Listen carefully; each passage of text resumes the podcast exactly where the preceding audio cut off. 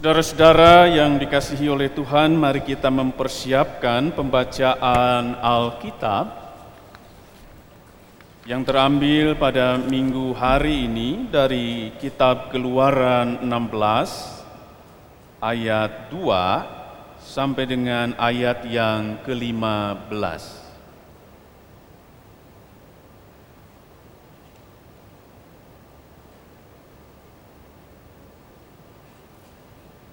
Keluaran 16 ayat 2 sampai dengan ayat yang ke-15.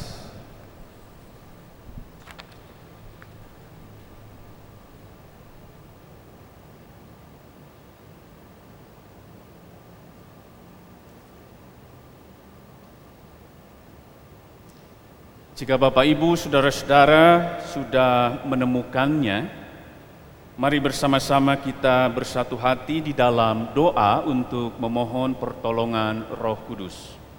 Mari kita berdoa. Ya Bapa yang Maha Baik, kami bersyukur untuk kesempatan yang baik karena Allah boleh menganugerahi kami saat ini waktu untuk kami boleh disapa oleh kebenaran sabda Tuhan dan melalui sabdamu kami mau belajar untuk terus menerus mampu bersyukur di dalam kehidupan kami. Berkati setiap kami yang akan mendengar, Tuhan tolong setiap kami mampukan sehingga dapat mendengar, mengerti, memahami dan menjadi pelaku sabda yang setia. Berkati hambamu yang lemah, yang penuh dengan keterbatasan ini, kiranya roh kudus yang menolong hambamu agar hambamu dimampukan untuk dapat menyampaikan pesan kebenaran sabda Tuhan seturut dengan apa yang Tuhan kehendaki. Bersabdalah kepada kami ya Allah karena kami anak-anakmu saat ini telah siap dan sedia untuk mendengar. Amin. Keluaran 16 ayat 2 sampai dengan ayat yang ke-15. Demikianlah sabda Tuhan. Di padang gurun itu bersungut-sungutlah segenap jemaat Israel kepada Musa dan Harun dan berkata kepada mereka, "Ah, kalau kami mati tadinya di tanah Mesir oleh tangan Tuhan ketika kami duduk menghadapi kuali berisi daging dan makan roti sampai kenyang. Sebab kamu membawa kami keluar ke padang gurun ini untuk membunuh seluruh jemaah ini dengan kelaparan. Lalu berfirmanlah Tuhan kepada Musa, Sesungguhnya aku akan menurunkan dari langit hujan roti bagimu maka bangsa itu akan keluar dan memungut tiap-tiap hari sebanyak yang perlu untuk sehari, supaya mereka kucoba apakah mereka hidup menurut hukumku atau tidak. Dan pada hari yang keenam apabila mereka memasak yang dibawa mereka pulang, maka yang dibawa itu akan terdapat dua kali lipat banyaknya dari apa yang dipungut mereka sehari-hari.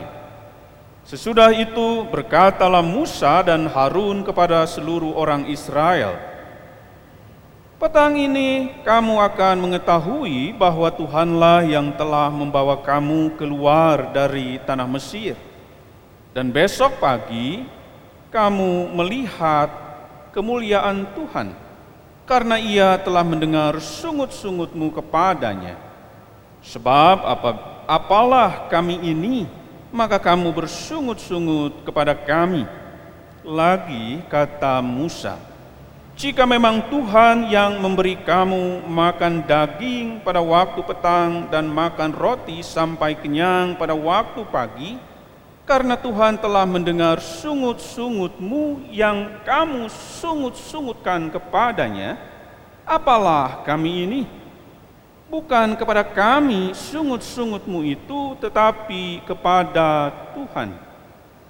Kata Musa kepada Harun, katakanlah kepada segenap jemaah Israel, marilah dekat ke hadapan Tuhan, sebab ia telah mendengar sungut-sungutmu. Dan sedang Harun berbicara kepada segenap jemaah Israel, mereka memalingkan mukanya ke arah padang gurun, maka tampaklah kemuliaan Tuhan dalam awan. Lalu berfirmanlah Tuhan kepada Musa, Aku telah mendengar sungut-sungut orang Israel, katakanlah kepada mereka, pada waktu senja kamu akan makan daging, dan pada waktu pagi kamu akan kenyang makan roti maka kamu akan mengetahui bahwa akulah Tuhan Allahmu. Pada waktu petang datanglah berduyun-duyun burung puyuh yang menutupi perkemahan itu. Dan pada waktu pagi terletaklah embun sekeliling perkemahan itu. Ketika embun itu telah menguap, tampaklah pada permukaan padang gurun sesuatu yang halus sesuatu yang seperti sisik, halus seperti embun beku di bumi. Ketika orang Israel melihatnya, berkatalah mereka seorang kepada yang lain, "Apakah ini?" Sebab mereka tidak tahu apa itu. Tetapi Musa berkata kepada mereka, "Inilah roti yang diberikan Tuhan kepadamu menjadi makananmu." Saudara-saudara yang dikasihi oleh Tuhan Yesus Kristus, yang berbahagia adalah setiap kita yang mendengar, memelihara, dan melakukan kebenaran sabda Tuhan dalam hidup kita setiap hari. Haleluya! Haleluya,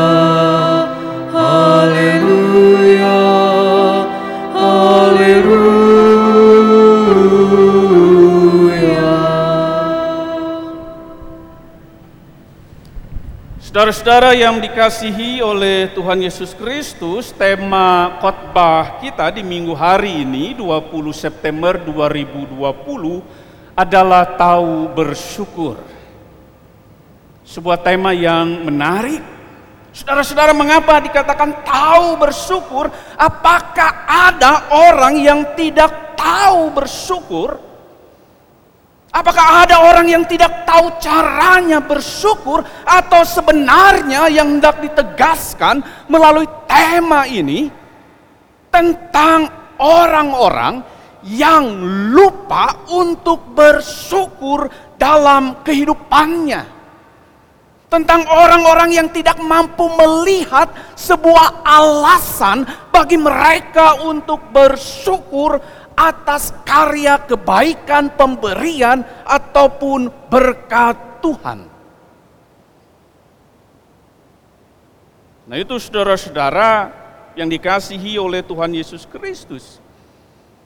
Benar, sesungguhnya tema ini hendak menegaskan, hendak menjelaskan sebuah fakta, sebuah realitas bahwa dalam kehidupan kita ada banyak orang yang tidak mampu menyadari berkat Tuhan, kebaikan Tuhan, lalu kemudian tidak dapat mengucap syukur. Ges ayat tapi terpercaya, ges dibere tapi hare-hare. Ada sebuah ungkapan saudara-saudara mengatakan yang namanya berkat Tuhan itu teka ukur, najan diukur, teka wilang najan diwilang. Yang namanya berkat Tuhan, pemberian Tuhan, kebaikan Tuhan, itu sesuatu yang tidak bisa kita ukur. Sesuatu yang tidak mungkin ataupun mampu kita hitung. Karena ketika kita mencoba menghitungnya, maka kita akan salah hitung. Ketika kita coba mengukurnya, maka kita akan salah mengukur. Karena yang namanya berkat Tuhan itu loba, banyak. Dan tidak mungkin kita bisa hitung. Teka ukur najan diukur, teka wilang najan diwilang. Nah rupa-rupanya saudara-saudara itu tidak berlaku bagi bangsa Israel. Sehingga dalam bacaan kita, saudara-saudara kita mem, Alkitab memperlihatkan bahwa untuk kesekian kalinya bangsa Israel ketika tiba di padang gurun Sin, mereka kemudian bersungut-sungut kembali. Sebelumnya mereka pernah bersungut-sungut ketika mereka berhasil melewati Laut Teberau dan mereka tiba di Mara. Ketika itu mereka haus, lalu mereka mencoba minum tapi airnya pahit. Lalu mereka kembali bersungut-sungut. Tetapi kemudian air itu menjadi manis karena Allah memberikan perintah kepada Musa untuk melemparkan sebuah kayu. Selesai dari situ, mereka kemudian tiba di padang gurun Sin. Dan di tempat ini lagi-lagi kembali mereka bersungut-sungut. Mereka mempertanyakan kuasa Allah. Mereka mengadu, mereka mengeluh. Kami lapar di sini, tidak ada makanan di tempat ini. Oh jangan-jangan Musa membawa kami keluar dari tanah Mesir, dari tanah perbudakan supaya kami mati di tempat ini. Oh jangan-jangan itu maunya Allah. Bangsa Israel lupa bahwa sebelumnya mereka melihat kuasa Allah, kebaikan Allah, pertolongan Allah yang mengeluarkan mereka dari tanah perbudakan dari tanah Mesir. Mereka lupa sebelumnya bahwa Allah melakukan sesuatu yang dahsyat membuat air di Mara menjadi manis dan layak atau bisa diminum. Saudara-saudara, gambaran bangsa Israel ini menggambarkan bangsa yang tidak mampu mengucap syukur. Mereka tidak tahu bersyukur dan itu menegaskan mereka tidak tahu diri. Mereka gak sadar diri, mereka gak ngukur diri, mati rasa Padahal semua ada, semua punya, semua bisa karena Allah. Mereka bisa tiba di gurun sin karena Allah. Ketidakmampuan mereka mengucap syukur karena menunjukkan ketidakmampuan mereka memahami, mengerti karya dan kebaikan Allah. Dan itu juga yang sering kali manusia lakukan. Dan itu yang juga sering kali manusia perlihatkan. Osok poho. Padahal nama-nama manusia itu boga dibogakan, ayat diayakan, bisa dibisakan ku Gusti.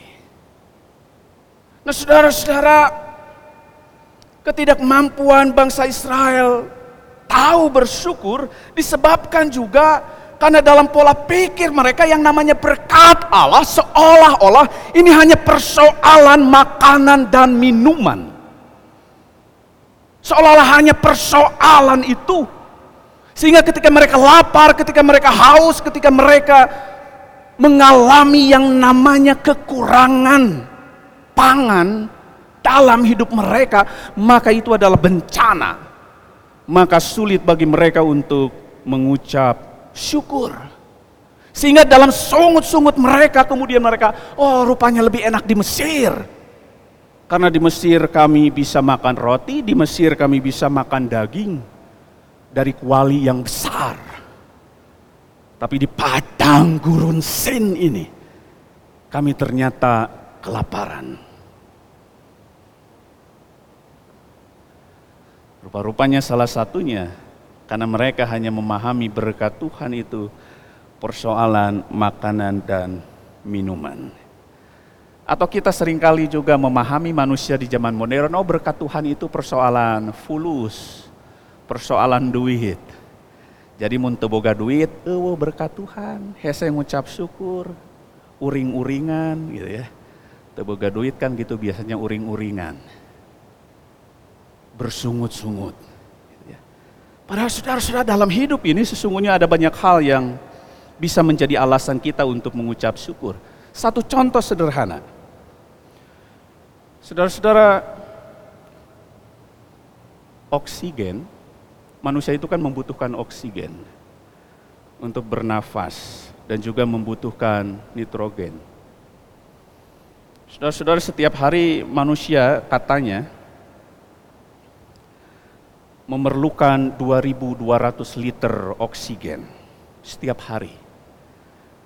Dan itu kalau dirupiahkan 5,5 juta. Lalu manusia memerlukan nitrogen itu setiap hari katanya 9.950 liter. Kalau dirupiahkan itu 86,5 juta sekian untuk bernafas. Sehingga kalau dikalkulasi, dinominalkan dengan uang, maka manusia bisa bernafas karena tadi ada oksigen, nitrogen. Maka kalau dirupiahkan itu sebesar 91,9 juta per hari untuk bernafas. Apakah kita pernah menghitung itu? Ini kita setiap hari gratis dibere ku Gusti salapan hiji koma salapan juta. Diberi nafas. Ini hal yang sederhana. Gitu. Ini hal yang sederhana. Yang sering kali kita lupa. Bahwa ada banyak hal dalam hidup kita yang terjadi yang hanya dimungkinkan karena Allah, karena kuasa Allah dan kita lupa itu sehingga kita tidak mampu dan tidak tahu bersyukur.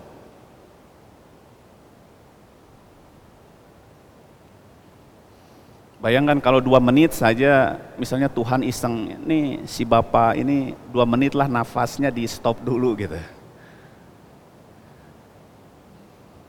Saudara-saudara sekali lagi ada banyak hal yang patut membuat kita mampu mengucap syukur.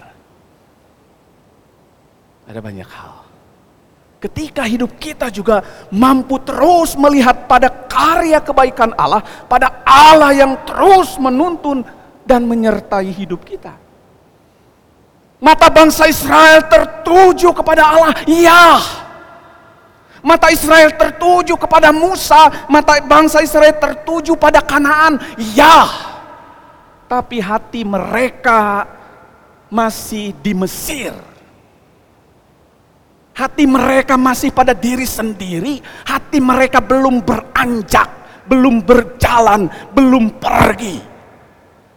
Hati mereka masih di Mesir. Dan itu kegagalan bangsa Israel.